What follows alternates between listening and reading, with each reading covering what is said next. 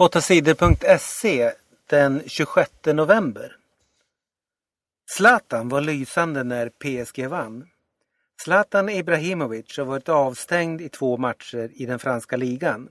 Då gick det dåligt för PSG. Laget tog bara en poäng på de två matcherna. I lördags var Zlatan tillbaka i laget. Det blev stor succé. PSG vann mot Troy med 4-0 och Zlatan var inblandad i alla fyra målen.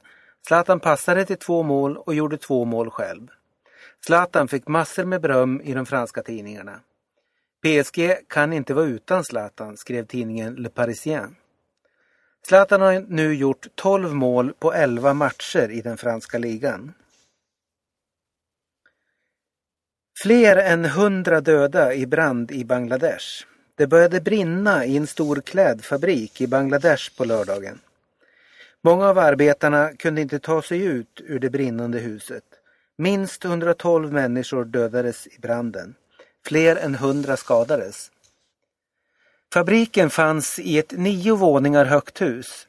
Det började brinna på första våningen. Elden gjorde att många blev instängda längre upp i huset. Många hoppade ut genom fönstren för att komma undan elden. Fabriken ligger norr om Bangladesh huvudstad Dhaka. På samma ställe ligger många andra klädfabriker.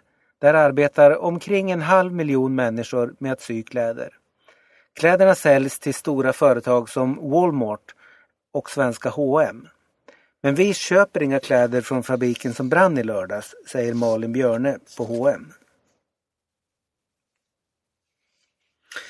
Norge vann allt i världskuppen i Gällivare. De norska längdåkarna fick en fantastisk start när världskuppen i skidor startade i helgen. Norge vann alla fyra loppen i Gällivare. Marit Björgen vann damtävlingen före Therese Johaug. Martin Jonsrud Sundby vann killarnas lopp. Norge vann lätt de båda stafetterna på söndagen. För Sverige gick det skapligt. Marcus Hellner var den enda svensken som tog medalj. Han var trea i herrarnas fristilslopp. Charlotte Kalla var bäst av damerna med en fjärde plats. Sveriges herrar och damer åkte bra i stafetterna. Båda lagen kom på andra plats efter Norge. Nytt möte om klimatet börjar idag. Idag samlas ledare från världens länder på ett stort miljömöte i staden Doha i Qatar. Länderna ska försöka komma överens om att minska utsläppen av koldioxid som värmer upp jorden.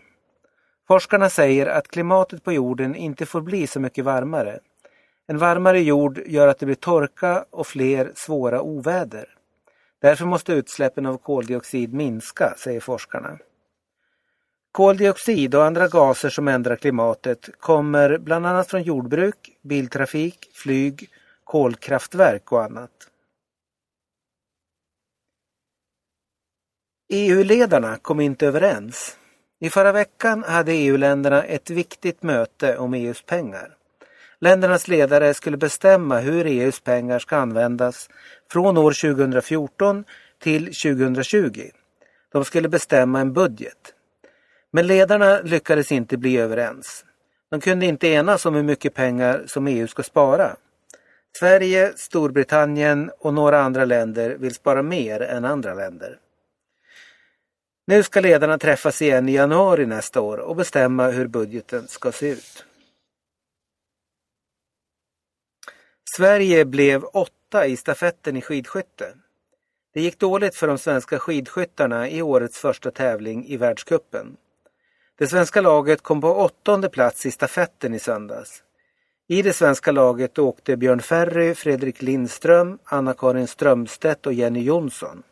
Ryssland vann stafetten i Östersund före Norge och Tjeckien.